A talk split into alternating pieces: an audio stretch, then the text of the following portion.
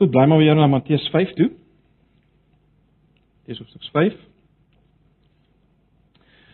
Goed, julle sal weet dat uh toe Jesus verskyn het, was sy groot uh, boodskap geweest, die koninkryk van God het naby gekom.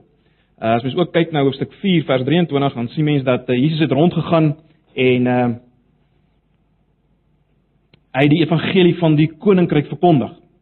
Dit was dit was sy groot boodskap geweest. Met ander woorde wat Jesus sê, uh nou met my koms is dit weer moontlik om in die regte verhoudings te staan, die verhoudings wat daar was in die tuin van Eden, nê, nee, wat eintlik maar niks anders is as uh die koninkryk. Dis hoe dit in die koninkryk gelyk het. Mense wat in die regte verhouding met God is, mense wat in die regte verhouding met mekaar is en met die omgewing. So Jesus kom en hy sê, nou is dit weer moontlik. In my is dit moontlik. Die koninkryk van God het nou naby gekom. Is moontlik om weer in hierdie verhoudings te leef. En julle sal weet eh, in Johannes 20 vers 21, ek het al baie daarna verwys, ehm uh, sê Jesus vir sy disippels, soos die Vader my gestuur het, stuur ek julle. In ander woorde, die hele gedagte is soos ek die hierdie koninkryk moes laat sigbaar word, iets daarvan moes wys, so moet julle as my disippels en hy praat met die met die met die kerk wat nog in daai stadium in 'n embrio vorm is, uh so moet julle die koninkryk laat sigbaar word. Nee, dis die hele wese van kerk wees om die koninkryk van God te laat sigbaar word. Maar die vraag is natuurlik, hoe lyk hierdie mense wat deel het aan die koninkryk? Hoe lyk hierdie mense wat die koninkryk van God moet laat sigbaar word? Hoe lyk hulle? Wat is hulle karaktereienskappe as jy wil? As jy dit moet ontleed. Hoe is hulle? Hoe dink hulle? Wat doen hulle? Nee. Uh, dis 'n belangrike vraag en dis die vraag wat Jesus hier aanspreek as hy op die berg klim, né? Nee.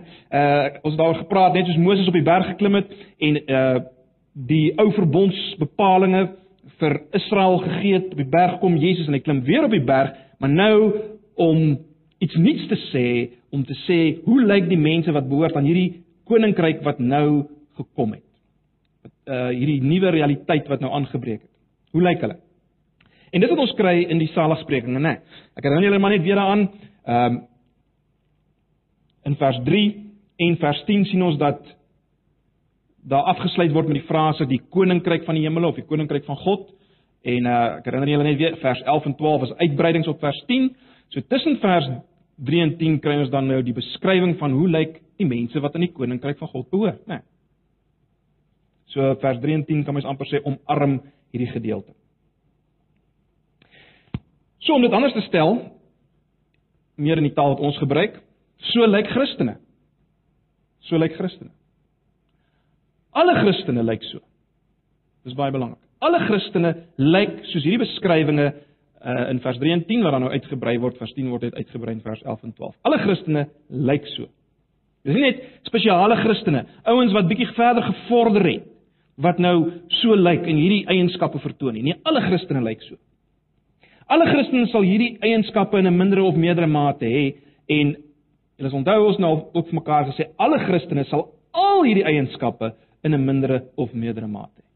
Alle Christene sal al hierdie eienskappe in 'n mindere of meerdere mate hê. So jy kan nie een as te ware uitpluk en sê goed ek is 'n vredemaker maar ek is nie sterk op die rein van harding nie. Nee. Dis uh jy wat ons nie moet doen.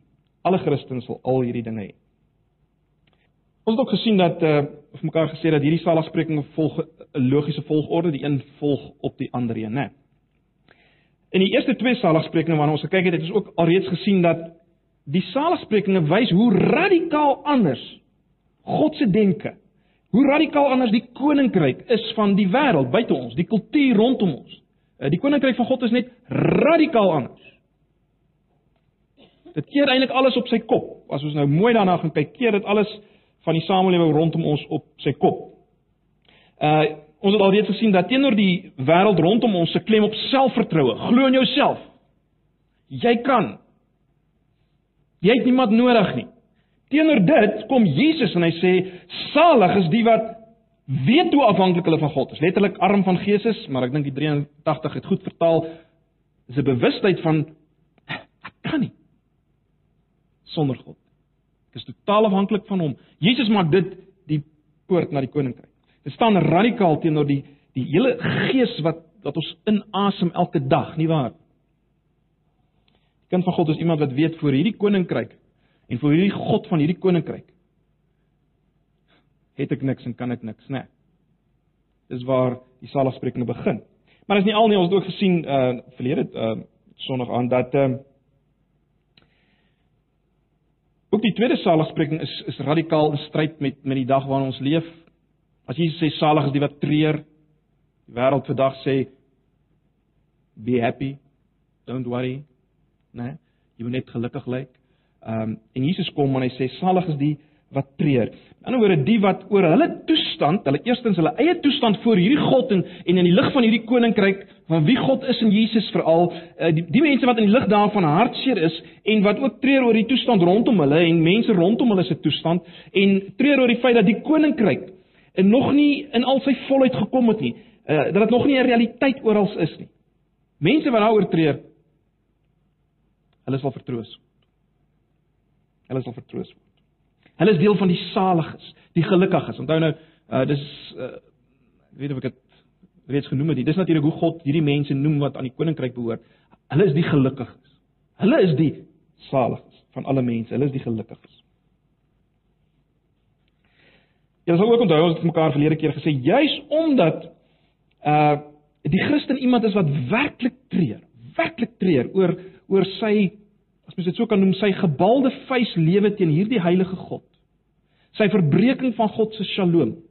Juis omdat die Christen werklik daaroor tree, beleef hy ook werklike blydskap, né? Nee. Juis daarom beleef hy werklike vreugde, blydskap en vertroosting. En daarom is die Christen, het ons mekaar gesê, is nie aangeplak en kunsmatig nie. Ehm um, baie mense in die wêreld is aangeplak en kunsmatig in hulle blydskap. Ek moet maar net glimlag vir almal, weet my mond is eintlik styf getrek soos ek nou probeer glimlag, maar dit is eintlik kom eintlik nie van binne af nie. Dis nie 'n werklike diep blydskap nie. Die Christen is nie so nie. En ouens wat sê hulle is Christene in in in hart probeer om so te wees, wel, hulle het nog nooit hulle self voor God gesien nie. Hulle was nog nooit werklik hartseer sodat hulle werklik vertroos kon word deur die Here Jesus en werklik hierdie blydskap kon beleef. So dis baie belangrik dat ons dit onthou. Die Christen is iemand wat te gelykertyd fundamenteel hartseer is en te gelykertyd onuitspreeklik bly is vol blydskap. Nou kom ons by vers 5 vanaand. Ons lees dit net.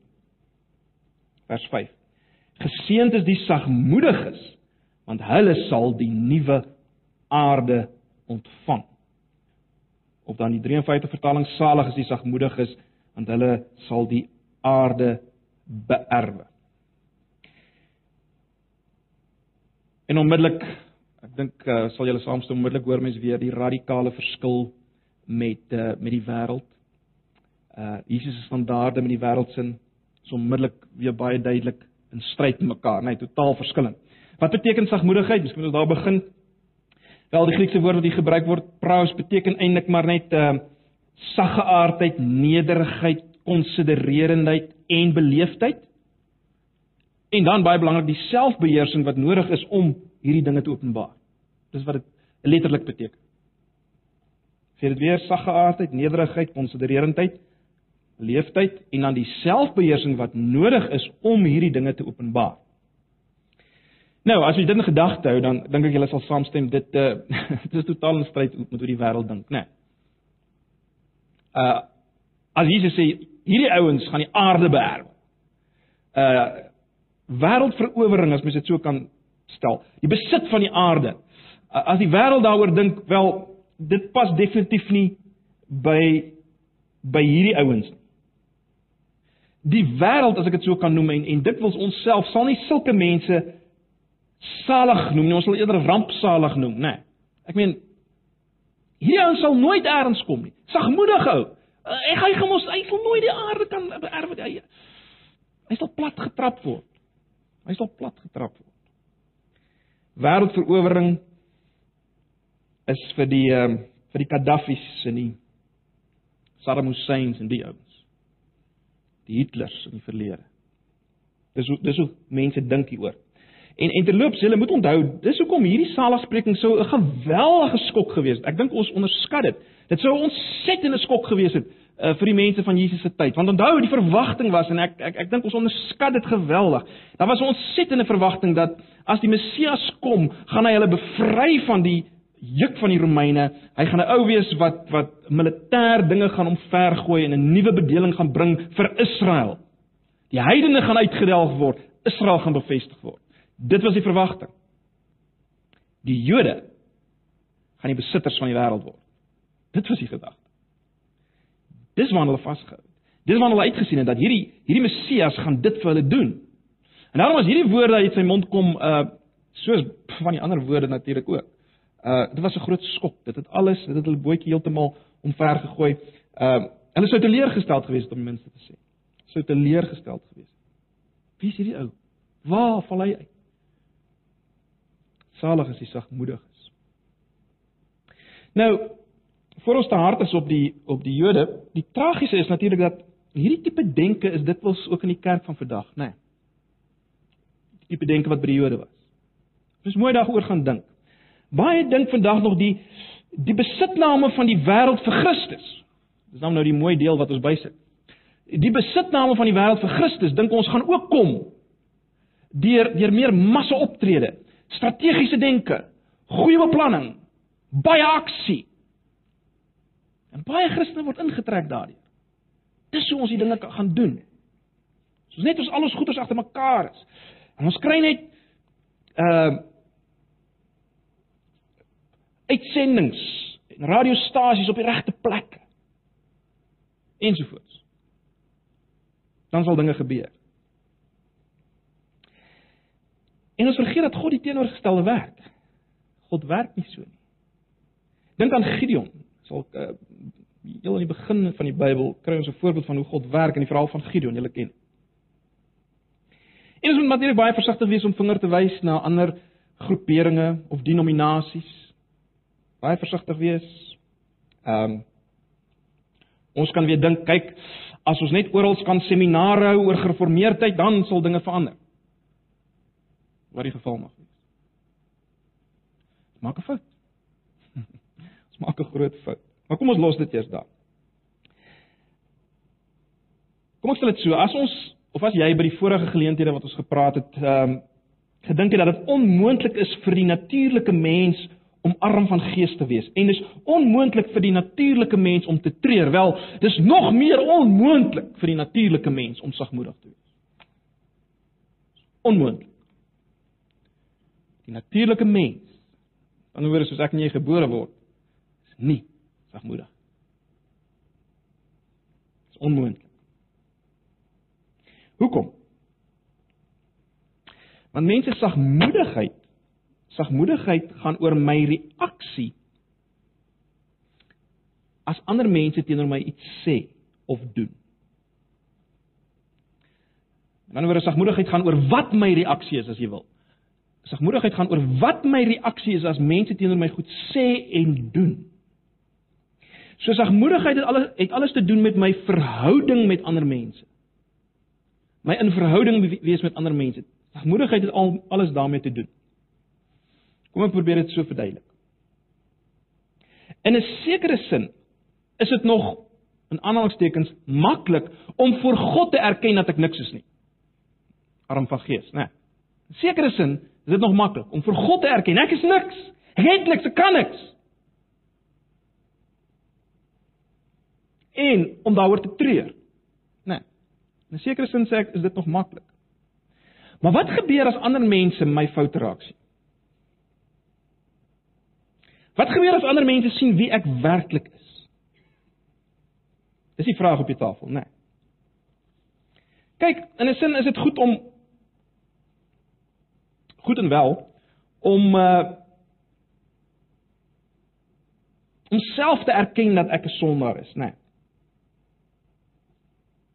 Maar ek wil hom nie ander ouens moet raak sien. Ek wil hom nie hê die ander ouens in die gemeente moet weet wat 'n sondaar ek is. Hoe ek werklik is. So so ja, ek dit is nog dis nog goed om dit teenoor myself te erken. Maar ek wil nie hê die ander ouens moet weet hoe ek werklik is. Wat 'n sondaar ek werklik is. Voor mense wil ek daarom nog die indruk skep dat ek in beheer is. Baie mense leef so. Hulle wil daarom nog net die indruk skep hulle is in beheer. Niemand mag net agterkom dat ek nie so in beheer is nie. Dat ek nie so geestelik is soos wat ek voorgee nie. Maar voor mense ek moet dit ek moet daai indruk skep. Nee. Dat ek eintlik 'n geestelike ou is of 'n geestelike vrou is.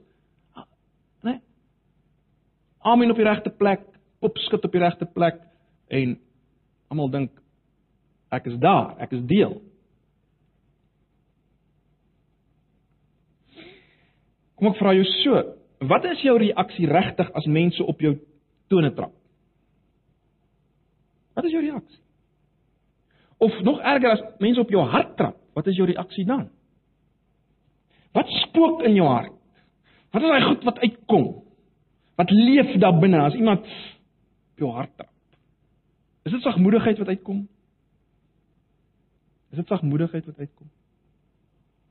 Miskien sê jy, "Maar Jakobus, ek is net nie daai sagmoedige tipe nie, man. Ek ek is net nie daai tipe nie." Dit klink klink baie na lam, lam, lamlendigheid hierdie waarvan ons nou praat. En ek is nie so nie. Uh, ek kan nie altyd net 'n nice ouetjie wees nie. Ek moet soms staan vir my regte en so mee. Moet ek dan nou net altyd vrede bewaar ten alle koste? Is dit waaroor dit gaan? Ek is 'n ou wat daarvan hou om om my uh, my sê te sê en my ding te doen. So wat moet ons hierop antwoord? Is sagmoedigheid dieselfde as lamlendigheid? Dis die vraag. Is sagmoedigheid dieselfde as 'n soort van 'n papperd wees? Lamlendig wees. Is dit dieselfde ding? Wel, kom ons kom ons dink daaroor. Kom ons kyk. Kom ons gaan terug na die Ou Testament. Vat iemand soos Moses. Moses. Nou in Numeri 12 vers 3 sou julle al gelees het dat daar staan Moses was die sagmoedigste man op aarde. Of eintlik wat ooit geleef het, is dit dink dit soos dit soms vertaal word. Moses is die sagmoedigste man wat ooit geleef het. Nou, onmiddellik moet ek julle vra, was was was Moses 'n lamlendige? Was hy 'n papperd geweest? Ek dink julle sal saamstem om so groot groep mense deur die woestyn te trek, uh, uh, uh te lei. Uh min van ons wat hier sit het daai daai vaardigheid. Ehm um, die eienskap om dit te kan doen. Dit dit kos iets. Dis nie 'n papperd nie. Jy moet 'n man wees om so 'n magtige menigte voor te stap as te waar. So, wat ons ook al dink van Moses, hy was verseker nie 'n uh, lamlendige ou nie. En hy word genoem die sagmoedigste man wat geleef het. Dis baie interessant om te kyk na die konteks van hy uitspraak in Numeri 12 vers 3. Dis 'n baie interessante gedeelte kyk. In vers 1 en 2 van Numeri 12. In vers 1 en 2, ehm um, kla Aaron en Miriam, hulle kla eintlik vir Moses aan oor die feit dat hy hierdie Kusitiese vrou geneem het en hulle hulle sê dan maar maar praat God nie met ons nie, praat hy net met Moses. So hulle kla vir Moses aan. En dan kom God, baie interessant.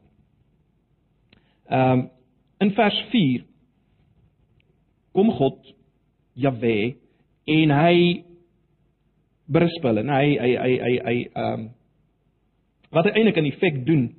Ehm um, Hy stel Moses in die gelyk. En julle sal weet Miriam word baie stadium met melaatsheid getref ook uh, en so mee. So wat probeer ons sê deur hierdie konteks? Wat probeer ons sê? Net as 'n mens verwag, onthou nou vers 1 en 2. Net as 'n mens verwag Moses gaan homself nou verdedig. Uh in vers 1 en 2 word hy aangekla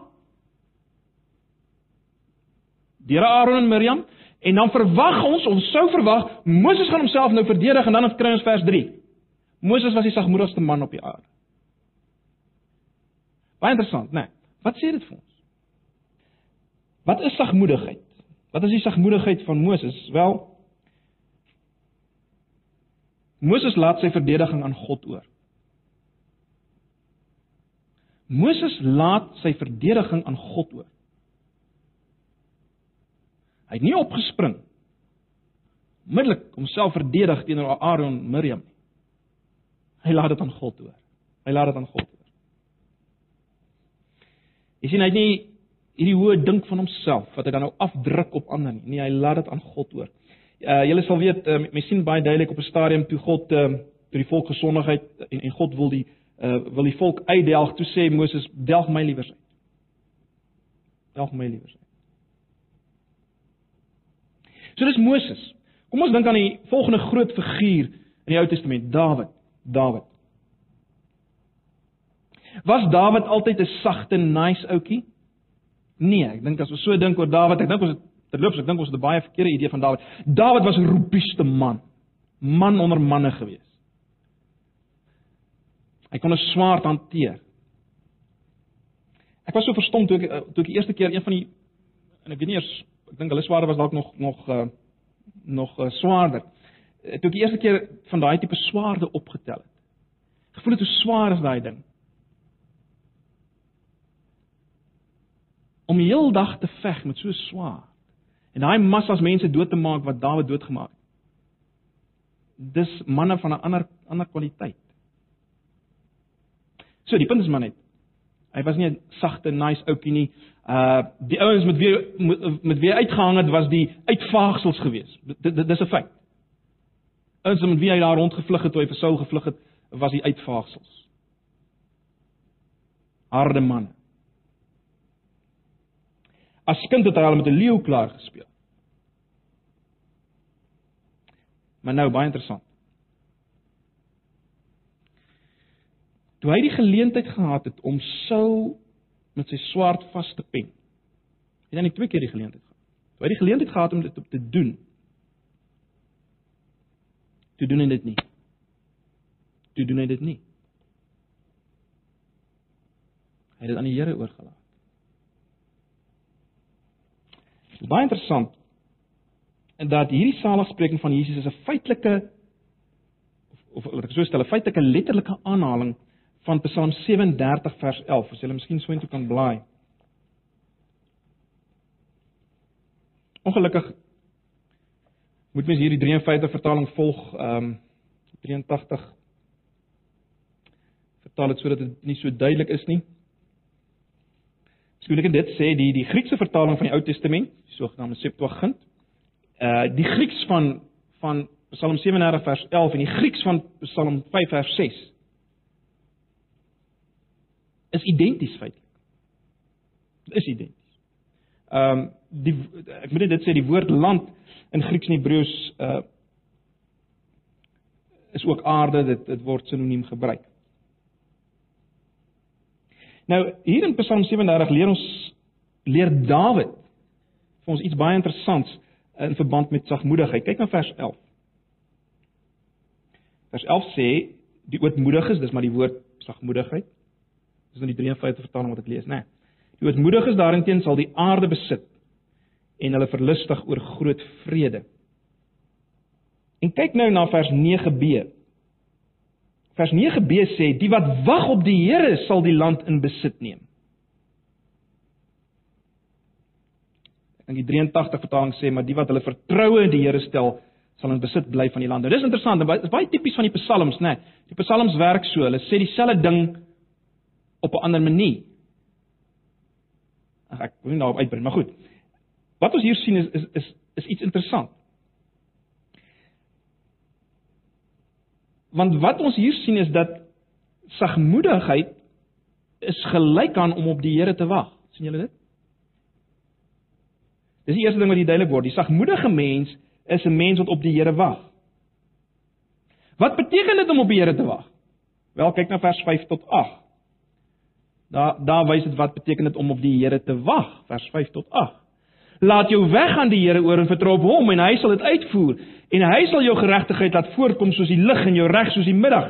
Swyg voor die Here en verwag hom. Wees nie toornig op hom wat voorspoedig is in sy weg nie, op die man wat listige planne uitvoer nie. Laat staan die toorn en verlaat die grimmigheid. Wees nie toornig nie, dit is net om kwaad te stig.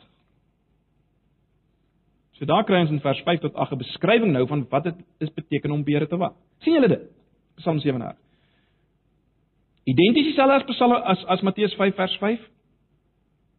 Die sagmoedige sal die aarde beerwe, maar terselfdertyd die wat op die Here wag sal die aarde beerwe. So 'n groot kenteken van sagmoedigheid is om op die Here te wag. Hoe doen jy dit? Hoe wag jy op die Here wel? Vers 5 tot 8. Julle het dit gesien, né? Nee. Jy laat jou weg aan die Here oor. Vertrou op hom. Laat hy die dinge doen. Jy gryp nie in en stel dit self reg nie.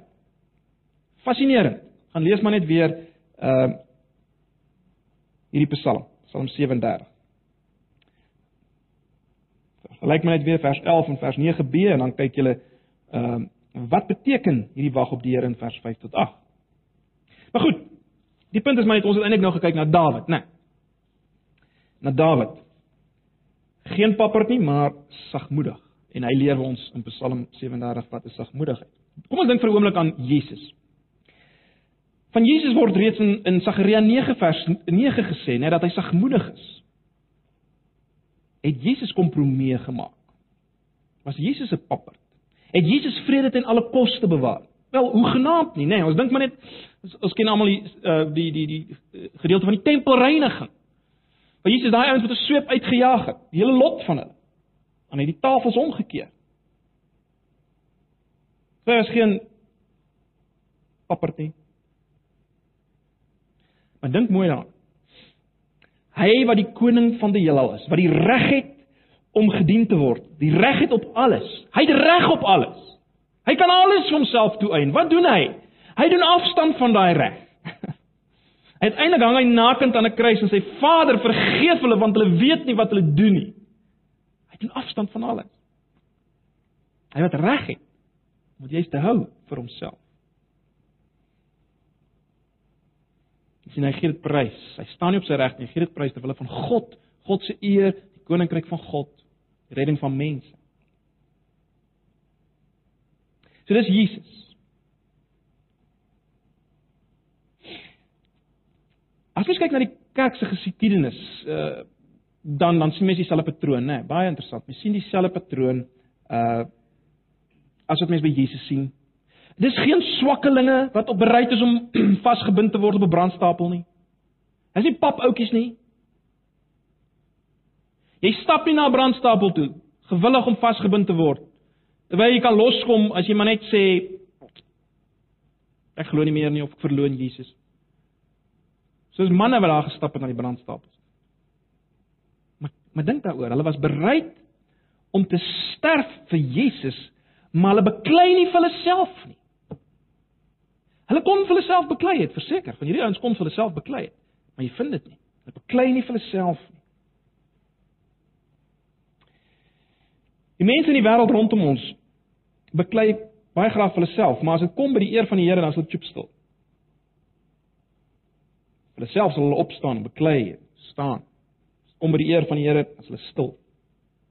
So dis die verskil, né? Radikale verskil. So, in die lig van alles, wat is sagmoedigheid? Wat is sagmoedigheid? Sagmoedigheid is daai houding teenoor myself en die uitdrukking van daai houding teenoor myself in verhouding met ander mense. Nee. In ander woorde, omdat ek gesien het wie ek is vir God, dat ek vir hierdie God niks is en het waarop ek kan staat maak in die lig van sy koninkryk. Weet wel vir God is ek niks. Dis nie 'n afkraking van my eie persoonlikheid en myself nie. Vir God en sy standaarde en sy koninkryk. Vir God in die lig van Christus het ek niks en is ek niks. So ek sien dit. sien wie ek is voor God. En daardie houding van myself voor God kom nou tot uitdrukking in my verhouding en my omgang met ander mense. Dis sagmoedig, né? Nee. Kom ek stel dit so, die die mens wat sagmoedig is, die mens wat sagmoedig is, is so verbaas dat mense hom nog so goed behandel dat hy of sy homself of haarself nie kan afdruk op ander mense, afforceer. Kan hard wees op ander mense nie, want kyk wie's ek vir God. Hoe kan ek hard wees op die ander ouens? En hulle afkraak en aftrap in die grond.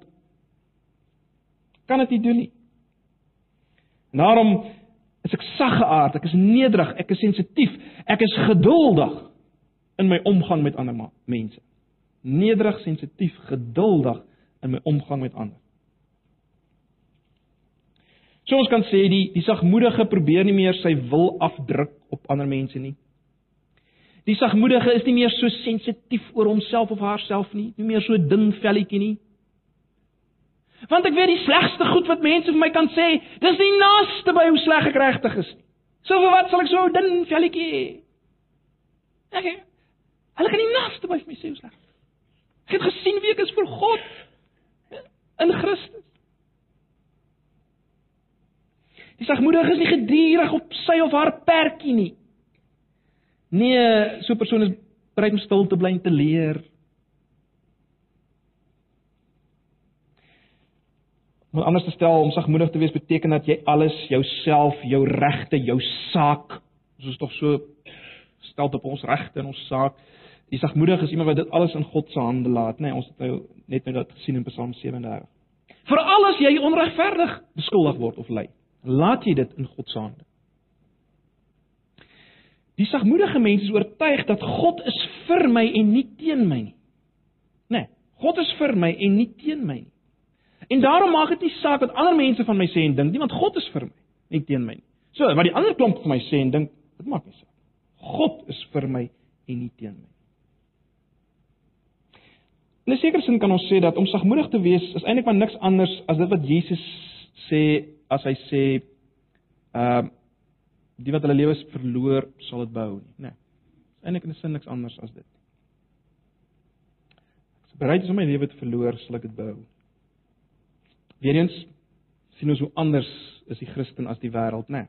In die wêreld gaan dit oor handhawing van my eie belang. Baie keer subtiel onder ons. Baie subtiel onder ons, maar dit is die groot ding. Ehm uh, handhawing van my eie belang. Dis waar dit in die wêreld gaan. Christen totaal iets anders.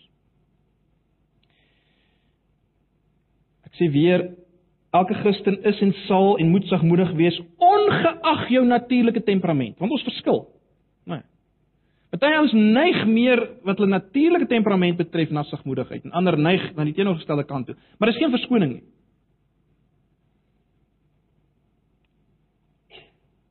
Vraag is is jy sagmoedig? Is jy sagmoedig by jou werk, by jou skool, ehm um, in jou in jou huis gesit. Kom ek lig net vir julle, jy hoef nie noodwendig die gedeeltes op te soek, julle kan maar luister, maar baie belangrik, die vrug van die Gees sluit sagmoedigheid in. Die vrug van die Gees sluit sagmoedigheid in. Luister net vir 'n paar oomblikke. Kolossense 3 vers 12 tot 13. Bekleë julle dan as uitverkorenes van God, heiliges en geliefdes met innerlike ontferming, goedertierendheid, nederigheid, sagmoedigheid, lankmoedigheid, sagmoedigheid. 2 Timoteus 2 vers 24 tot 26. En 'n diensknegt van die Here moenie twis nie, maar vriendelik wees teenoor almal, uh, bekwam om te onderrig en een wat kwaad kan verdra. Hy moet die weerspanniges in sagmoedigheid regwys of God hulle nie miskien bekering sal gee tot die kennis van die waarheid nie. In Titus 3 vers 2 lees ons om niemand te belaster nie, nie strydlustig te wees nie, is die man van God nie strydlustig te wees nie, vriendelik te wees en aan alle mense alle sagmoedigheid te bewys. Titus 3 vers 2. Jakobus 1 vers 21. Daarom dan doen afstand van alle veiligheid en oorvloed van boosheid en ontvang met sagmoedigheid die ingeplante woord wat in staat is om julle te red. Jakobus 3 vers 13. Wie is wys en verstandig onder julle? Laat hom uit sy goeie lewenswandel sy werke in sagmoedige wysheid toon. In sagmoedige wysheid toon. Goed, as jy na daai gedeelte wil kyk, is Kolossense 3 vers 12 tot 13, 2 Timoteus 2 vers 24 tot 26, Titus 3 vers 2, Jakobus 1 vers 21 en Jakobus 3 vers 13. Ehm um, Dis hoe dit in die 53 vertaling verwoord is, ek dink die 83 sal hier en daar dalk 'n 'n bietjie anders lyk.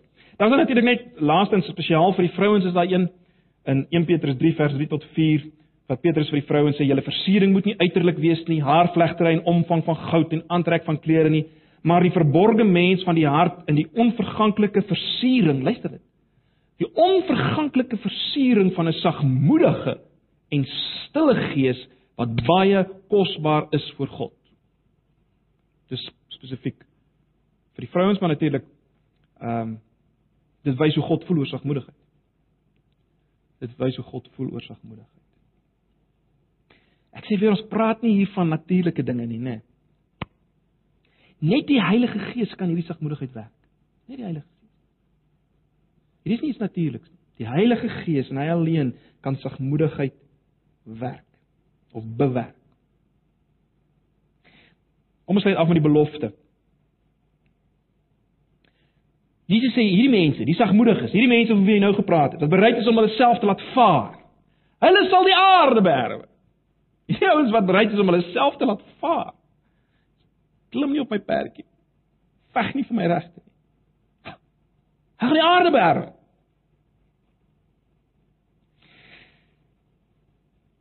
Romeine 8 sê ons is mede-erfgename saam met Jesus. Jy sien Jesus wat hier gepraat het, bedoel wat hy sê. Hy weet wie gaan saam met hom beerf. Hy weet, hy het al hier geweet, wie gaan saam met hom erf. Sagmoedig is. Sagmoedig is. Hy weet dit. Net 'n laaste gedagte. Is baie interessant dat die wete dat ons die aarde gaan beerwe, versterk juis ons sagmoedigheid. Die wete dat ek die aarde gaan beerwe, versterk juis my sagmoedigheid. Hoe werk dit? Wel, luister net 'n bietjie hier na uh 1 Korintiërs 3 vers 18 tot 23. 1 Korintiërs 3 vers 18 tot 23. Paulus sê laat niemand homself mislei nie. As iemand meen dat hy wys is onder julle in hierdie wêreld laat hom dwaas word sodat hy kan wys word. Want die wysheid van hierdie wêreld is dwaas by God want daar is geskrywe hy wat die wyse mense in 'n lustigheid vang en verder die Here ken die gedagtes van die wyse mense dat dit nietig is. En nou vers 21 Laat niemand dan op mense roem nie want alles behoort aan julle Of dit Paulus is of Apollos of Cephas of die wêreld of lewe of dood of teenswoordige of toekomstige dinge, alles behoort aan julle. Want julle behoort aan Christus en Christus aan God. Alles behoort aan julle. sien julle die logika in vers 21?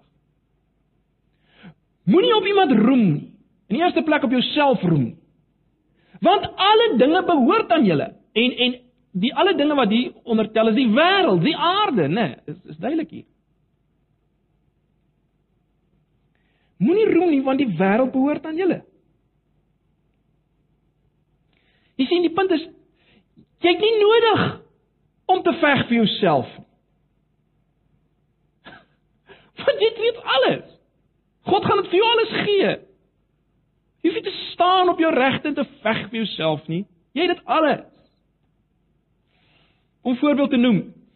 Ek sal geen behoefte hê om te roem oor die feit dat my huis groter is as joune en ek sal geen begeerte hê om jou met die vuis te slaan uh oor hierdie feit dat my huis groter is as joune. As ek weet my pa besit die hele stad en ek gaan die hele stad erf nie.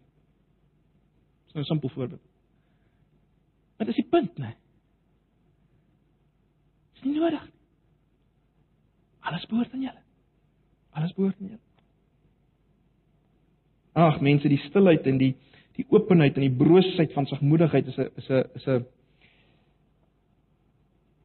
'n ongelooflike ding. Ehm um, dis pynlik, maar is ongelooflik. Dit dryf in teen alles wat ons is as gevolg van ons sondige natuur. En dit vereis hulp. Goddelike hulp. Maar dis juist waarvoor hier Jesus gekom het, is dit nie? Dis juist waarvoor hy gesterf het. Hy het ons reeds alles gegee Hoeveel te meer sal hy nog vir ons die res gee? Vir ons die prys betaal. Hy sê vir ons alles gee wat nodig is om die koninkrykslewe te leef, né? Nee, dis die belofte. Hy sal ons ook dit gee. En en as ons vanaand hier sit en jy het reeds begin sien wie jy is voor God en jy begin treur oor oor jou toestand voor God in die lig van sy heiligheid en jou gebrokenheid en die gebrokenheid rondom jou dan is God reeds besig om dit te doen. Hy is reeds besig om sagmoedigheid in jou te werk. Hoe meer ek hieroor dink, dit bedink, daaroor mediteer voor God, hoe meer gaan dit tot uitdrukking kom in my houding teenoor ander mense. Ek sal sagmoedig wees. God doen dit. En God is reeds besig met alreeds met jou te doen. Feit dat jy hier is, is 'n goeie begin. God is besig om dit te doen en hy sal sy werk klaar maak. Salig is die sagmoediges uiters gelukkig. Hulle sal die aarde beerwe. Kom ons bid net saam. Here baie dankie vir die woord en dankie vir die belofte. Ons eer U daarvoor. Help ons om dit te vat. Om dit te bedink. Om in die lig daarvan te leef. Asseblief. Ons vra dit in Jesus se naam. Amen. Ek weet nie of enige vrae of opmerkings is nie. As daar nie is nie, kan ons gaan uh, tee drink. As daar is, is julle welkom. Vra. Indruk. Ons kyk nou hier na die uh na die saligsprekinge. Mm. Dan kan 'n mens tog met groot reg vra watter mens is daar wat in homself Ja. by hierdie goed kan uitkom? Hmm. Dit het baie duidelik gemaak dit is nie moontlik. En dan as ons kyk na die ehm veral die die die bovertrek gebeure in Johannes ek dink 14 daarom wat Jesus gesê het as ek nie weggaan nie kan kan die gees ek gaan weg so die gees na julle toe kom. En daarom dink ek ons ons ons ons maak dalk te min van die van die van die feit dat ons in die bedeling van die gees van God lewe. Hmm. Uh en ek wil net uh, daarom sê ek ek is bly jy dit nou aangesny. Want 'n mens hoor dit so selde dat ons dat ons ons beroep op die werk van die gees Hmm. en dat ons uh dat ons as ware ook met leë hande voor die gees van die Here staan en sê kom help my om by hierdie standaarde uit te kom. Kom help my om te wees soos wat soos wat my Here Jesus verwag dat ek moet wees. Dit wat hy vir my sê, so lyk jy. So lyk jy, so moet jy as kind van God lyk. En daarvoor dink ek het ons soveel meer nodig om te verstaan dat ons in die bedeling van die Gees leef. Dat dit hy en hy alleen is wat vir ons hierin kan Hmm. lei en hierin kan bou. En en, en Paulus maak dit ook duidelik, ek dink daar in Korintiërs eers wat hy sê hierdie goed is is is is uh is nonsens vir die mens wat nie die gees van God het nie. Hmm. As jy die gees van God het, kan jy hierdie goed nie verstaan nie sê. hy. Smal wat wou sê. Hmm. Ja, dankie Hendrik. Ja, ek dink ehm um, ja, soos ons nou gesien het, né, die uh, dit wat Here Here Jesus hier gee as 'n kenmerk van die wat aan die koninkryk behoort, in die res van die Nuwe Testament is dit die kenmerk van die vrug van die Gees, 'n uitvloeisel van 'n lewe onder beheer van die Gees. Ek dink daar's 'n daar moet jy nie te veel daarvan maak nie, maar die feit dat Jesus het begin met salig is die wat arm van gees is. Nou dit is gees met 'n klein letter, né? Maar ek dink tog daar's dalk 'n subtiele sinspeling. Ehm um, jy as jy arm van gees is, weet jy het niks nie. Kan jy vol word van in jou gees met die gees hoofletter, né? Uh eers 'n leegheid en dan 'n volheid. In die volheid is die gees wat werksaam word. Die oomblik as ek my leegheid voor God besef en dit erken en buig en treur, is dan ook wanneer hy en ons weet dit nou op grond van die res van die Nuwe Testament, is juist dan wanneer die gees van God. En dit is uh onthou God is altyd besig as die drie enige God om te werk, né? En tereg soos jy sê Hendrik, ons is die, in die bedeling van die gees. En hierdie bedeling, hoe is God by ons? Hoe reageer hy op die man of vrou wat buig voor hom, wat uh, hulle niks uit erken? Hoe hoe reageer God? Wel is God die gees wat kom en by hom is en by haar is. En en is dan wanneer die uh die sagmoedigheid na vore kom as 'n vrug van die gees. Dis 'n uitvloeisel van hierdie gees van God. Want dis die gees wat in Jesus was. Daai gees wat in Jesus was wat sagmoedig was, is nou in my. So ja, baie dankie vir jou. Yes. Ek is net nie in staat om iets aan my situasie te doen of om dit te verander nie, nê? En as die Here dan dit vir jou daai belofte vervul aan jou, dan kom hy in Eksodus en dan sê hy wanneer ek hierdie belofte aan jou vervul, ek is nou net nie seker wat die skrifgedeelte is nie, nê? Ehm um, Bruce, Bruce het vir my die skrif gegee jare terug. Sy eendag op die plot toe sê hy vir my, Amanda, ek wil vir jou hierdie skrif gee dat die Here sê hy sal jou seën, hy sal jou situasie verander, maar weet net dat dit regtig nie is omdat jy goed was nie. So as ek dan uit daai sagmoedigheid uit funksioneer, kan ek nie opstaan uit in 'n verhouding van dis my goedheid wat hierdie ding gedraai het nie. Dis juis dan binne daai absolute gebrokenheid wat jy besef daar is niks in jou wat hierdie ding kan draai nie. En dan is dit die Here wat alleen deurkom, nê. Ja, baie dankie. Ja, soos reeds gesê het, dis dis jy's hoekom die ehm um, die wat arm van gees is en die wat treur is uh, word gelukkig genoem. Hoekom? Want ek, ek neem weer my plek in voor God wat ek moet inneem. Die probleem in die wêreld is die is die is die mens wat uh, op sy eie troon sit en in die in die middelpunt is. Uh hoekom is ons gelukkig in die saligspreking? Dan dan neem ek weer my posisie in waar waarvoor bedoel is voor God. In afhanklikheid. Hy is die middelpunt. Ek ek is niks vir hom nie. En dan kom al die eer aan hom toe. Dit is waaroor alles gaan. Al die eer moet aan hom toe kom. Kan jy kan jy vir ons 'n bietjie die balans net gee tussen Dawid wat nie 'n papperd was nie en Moses wat nie 'n papperd was nie. In 'n ander woorde, hulle het ehm um, hulle was nie ja, sagte mense aan die een kant wat maar net op hulle laat trap het nie, hmm. maar hulle was sagmoedig binne ons situasies wat ons baie keer vandag het. Jy weet, dink aan die kinders by die skole wat ek al wanneer daar tipe hmm. onreg sê maar teen 'n ou gepleeg word of wat ook al. In watter mate ek weet dit moet ons eerstens gaan oor die eer van God. Hmm. Maar daar is baie keer situasies waar uh ja, in in watter mate laat jy net toe dat dit gebeur en as jy sagmoedig op is jy eintlik dan hmm. Wel, ek dink die beginsel is dit is nie maklik nie, né? Ek bedoel, uh dis nie altyd maklik om die streep te trek nie, maar ek dink die punt is uh as dit gaan oor onreg in die algemeen, dit wat teen God is, teen sy shalom is, moet ek daarteen opstaan. Moet ek nie 'n papperd wees en stil bly en so aan nie. Maar as dit gaan om dat ek in 'n beter lig wil wees en ek wil myself regverdig, dit gaan oor my eer wat aangetast is. Ek lyk nou nie goed nie. En ons uh, dis 'n fyn ding, ek kan nou nie reg mense mense voel dit aan. Mense weet tog baie keer, waaroor gaan dit eintlik nou? Hoekom wil ek nou hoekom wil ek nou hier opstaan en reageer? Want ek lyk nou nie goed nie. Dit gaan nie regtig oor die eer van God. Dit gaan nie regtig omdat God se standaarde hier uh afgekraak is of sy naam onder aangedoen is, ehm um, of wat die geval mag wees. Eintlik weet ek hier dit, dit gaan oor ek lyk nou nie meer so goed nie en dis hoekom ek wil veg. So dis die balans. Uh die sagmoedige veg nie vir sy eie eer. Maar hy's nie papperd as dit kom by standaarde wat van reg en verkeerd in die koninkryk van God en wie God is en hy staan hy ry na voor te staan en oor die algemeen soos ek sê as hy nie maar net 'n ou hy's nie net 'n ja broer en vrede ten alle koste nie maar dis is dis, dis daai beginsel dat hy veg nie vir homself sy naam wat nou 'n bietjie skade ge, uh, gekry het of hy lyk nie goed nie. Wat gaan die mense van my sê?